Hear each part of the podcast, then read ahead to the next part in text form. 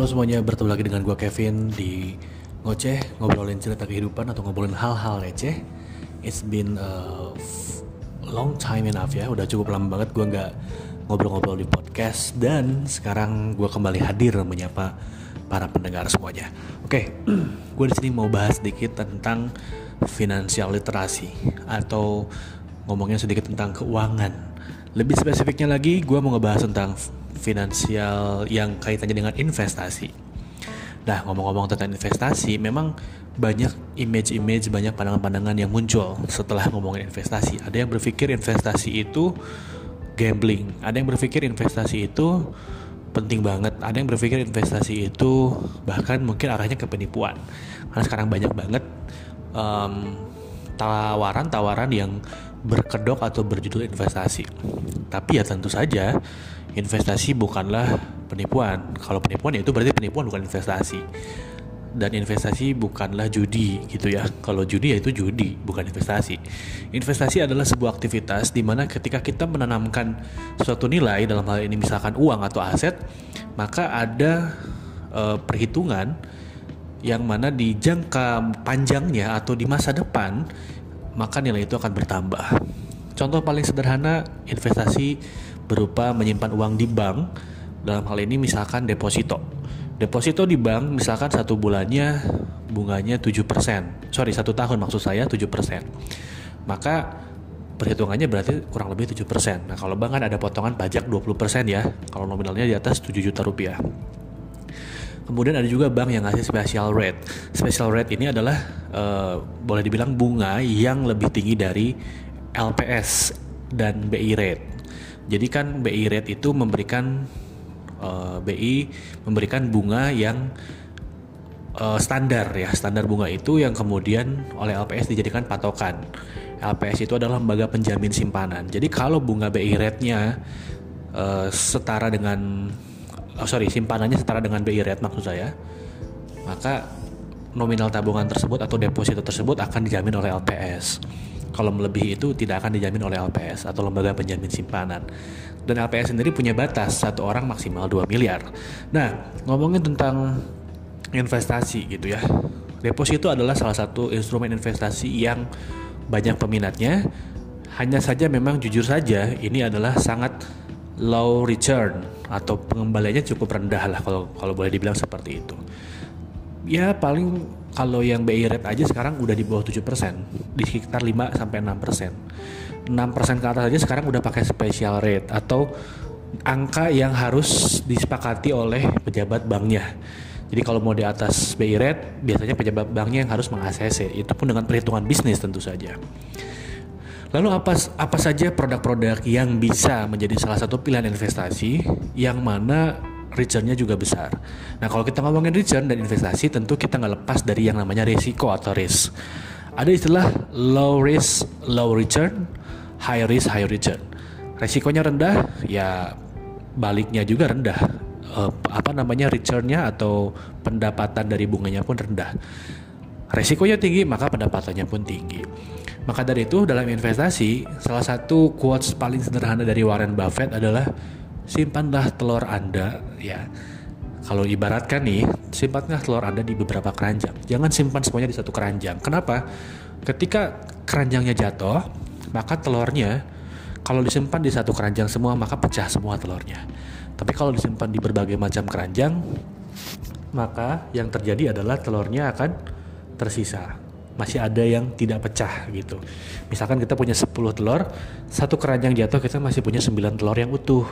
Itulah uh, filosofi dari um, menabung atau menyimpan aset atau menyimpan uh, uang gitu ya.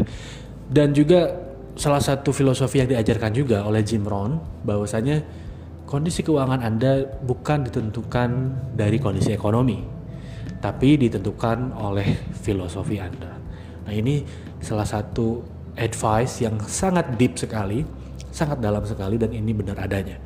Maksudnya kondisi keuangan kita tuh tidak serta merta kita salahkan dengan keadaan ekonomi. Tapi kembali ke filosofi diri Anda. Apakah Anda seorang penabung? Apakah Anda seorang investor? Apakah Anda seorang consumer? yang 100% atau more than 90% dari uang Anda consum, consumption atau habis oleh konsumsi atau Anda mindsetnya adalah how to uh, relocation your asset. Jadi uang Anda alihkan jadi aset yang lain even itu masih tetap bentuknya uang misalkan dalam bentuk deposito dan lain sebagainya itu semua kembali ke filosofi Anda. Makanya filosofinya itu mirip bukan filosofi sih perumpamaannya itu mirip seperti air. Di dunia ini di planet bumi ini air itu sama. Jumlahnya dari dulu sampai sekarang sama. Tapi kenapa ada daerah yang banyak banget airnya ada daerah yang airnya itu kering padahal air di bumi ini sama loh.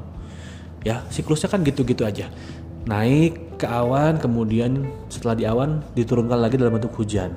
Setelah di, e, masuk ke dalam bumi turun ke dalam bumi kemudian nanti menguap lagi naik lagi ke awan kemudian turun lagi dalam bentuk hujan. Terus menerus seperti itu. Nah kenapa um, ada yang kekeringan ada yang uh, basah banget ada yang banyak banget airnya. Begitupun tentang uang ya. Kalau dibilang uang sedikit enggak kok ya jumlah aset jumlah uang ya sama gitu ya maksudnya jumlah nilainya tuh ya sama aja sebetulnya tapi kenapa ada yang banyak ada yang sedikit nah alirannya itu sangat dipengaruhi dari filosofinya oke okay. Nah, kembali ke investasi, teman-teman. So, apa saja sih uh, rekomendasi investasi? Kembali lagi ya, kalau Anda bukan seorang trader, Anda bukan seorang yang hobi jual beli, ya kalau trading kan ibaratnya Anda beli hari yang sama, jual di hari yang sama dengan beda jam aja gitu. Dengan mengharapkan keuntungan dan lain sebagainya, itu jual beli. Nah, kalau investasi lebih ke Anda simpan dan Anda mungkin nggak terlalu memperlihatkan atau nggak terlalu melihat tabelnya nggak terlalu melihat grafiknya anda akan cairkan misalkan 3 tahun 5 tahun ke depan apa pilihannya yang pertama tentu kalau anda seorang yang bukan uh, agresif deposito adalah pilihan yang sangat bijak tapi kalau memang Anda merasa bahwa return dari deposito terlalu kecil, Anda bisa nego dengan pihak banknya. Dengan catatan memang nominal yang Anda tabungkan cukup cukup membuat banknya tertarik. Dalam arti gini, biasanya uh, ada angka-angka tertentu tertentu di mana perbankan akhirnya mau oke okay deh saya mau kasih kamu special rate karena kamu nabungnya di angka yang membuat mereka tertarik. Ya kalau yang paling standar sih memang di 500 juta. Itu udah paling standar untuk memberikan special rate yang luar biasa besarnya tapi 100 juta pun kalau mau dicoba boleh gitu ya yang pertama adalah deposito yang kedua adalah emas tentu saja nah dosen saya menggabungkan antara deposito dan emas. Dia deposito, kemudian bunganya dia belikan emas. Ini salah satu strategi yang cukup cerdas sih ya. Cuma memang ini butuh kesabaran dalam arti bukan untuk orang-orang yang agresif, bukan untuk orang-orang yang membutuhkan uang segar dalam waktu cepat gitu ya.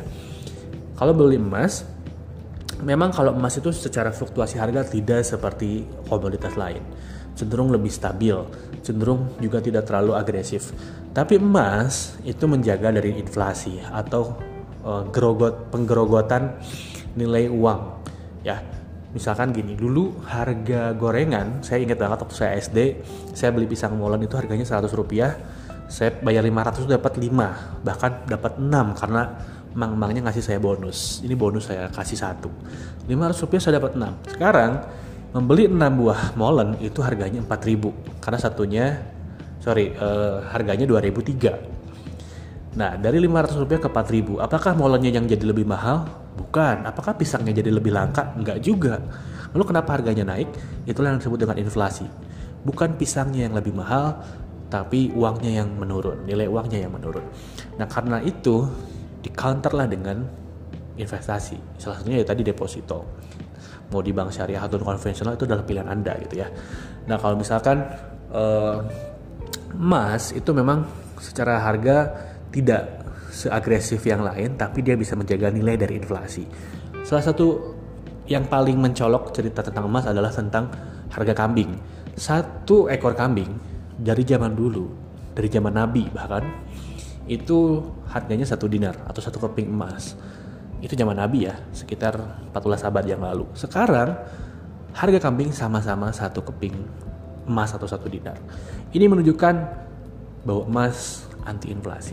Ya, emas bisa menghalau inflasi. Kalau misalkan Anda mau emasnya ditradingkan, boleh nggak? Ya semuanya bisa ditradingkan, silahkan saja. Tapi ingat bahwa ada prinsip yang namanya high risk, high return. Yang berikutnya adalah tentu tanah. Nah kalau tanah, banyak orang yang berpikir bahwa oh, kalau beli tanah harganya pasti naik. Ya, tapi ada poin yang harus anda ketahui bahwasanya tanah bukanlah aspek yang liquid. Jadi kalau anda beli tanah, ketika anda butuh uang, anda tidak bisa langsung menguangkan tanah itu saat itu juga. Kenapa? Karena tanah bukanlah aset yang liquid. Anda harus jual. Kalau anda jualnya kelihatan banget buru-buru, kelihatan banget kayak yang butuh, maka pembeli bisa mempermainkan Anda dengan menawar dengan harga yang sangat murah. Nah, itu yang harus diwaspadai. Jadi kalau Anda punya tanah, pastikan bahwa itu bukanlah uang yang tanda kutip uang yang panas, bukan berarti haram ya. Maksudnya panas tuh uang yang Anda butuhkan dalam waktu dekat. Karena akan kerepotan ketika Anda menjual dalam waktu yang singkat. Jadi kalau mau tanah ya memang aset yang persentasenya itu oke okay, ini memang uang dingin gitu ya. Kalau mau ditambah value-nya, Anda bisa bangun properti di atasnya. Nah, properti ini bisa Anda bangun apa aja, mau rumah boleh, kosan, kontrakan, apa pun, atau mungkin sekedar lahan parkir yang disewakan silahkan. Itu pilihan Anda. Nah, kalau misalkan dijadikan kosan atau kontrakan, Anda sewakan, itu juga salah satu ide bagus. Hanya saja jangan lupakan bahwa ada yang namanya maintenance fee atau biaya pemeliharaan. Minimal kalau misalkan listrik dan airnya dibebankan kepada penghuni, minimal Anda harus uh, ada pemeliharaan berkala. Dan ya, Anda juga harus punya ekstra tambahan kerjaan yaitu Anda mengawasi pengaw apa mengawasi para penghuninya. Yang berikutnya, Anda bisa investasi di kripto. Nah, kripto ini salah satu pilihan investasi yang cukup unik. Banyak orang yang belum tahu, tapi banyak orang yang juga sudah tahu. Saya mau sharing sedikit aja Bitcoin tahun 2013-14 itu harganya masih sekitar 1 sampai 3 juta. Jujur ya, saya sendiri agak nyesel nggak beli Bitcoin dulu. Dulu saya udah kerja, gaji saya ya cukup lah ya. Kalau satu kali gaji beli Bitcoin pun masih kembalian gitu. Dulu ya, tahun 2014-an.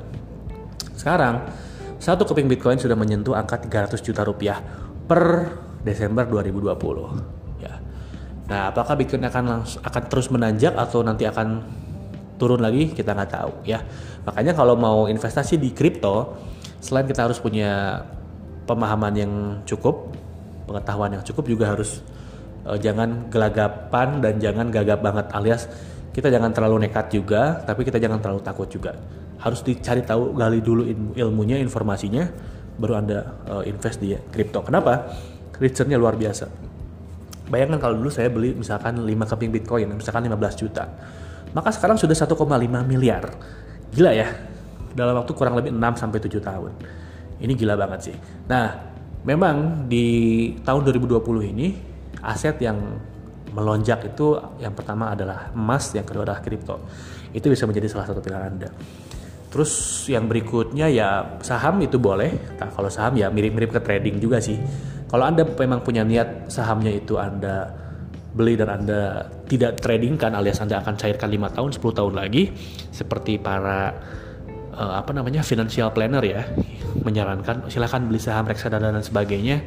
Ya silahkan hanya saja pastikan memang itu bukan dijual kembali dalam waktu singkat karena kalau itu berarti Anda trader dan kalau trader berarti ilmunya juga Anda harus siapkan gitu ya. Yang berikutnya pilihlah saham-saham yang memang secara bisnisnya sehat dan secara prospek ke depannya sehat Oke, itu aja mungkin uh, pemaparan dari saya tentang finansial literasi. Sampai jumpa di podcast selanjutnya di Ngoceh. Dan sampai jumpa. Wassalamualaikum warahmatullahi wabarakatuh.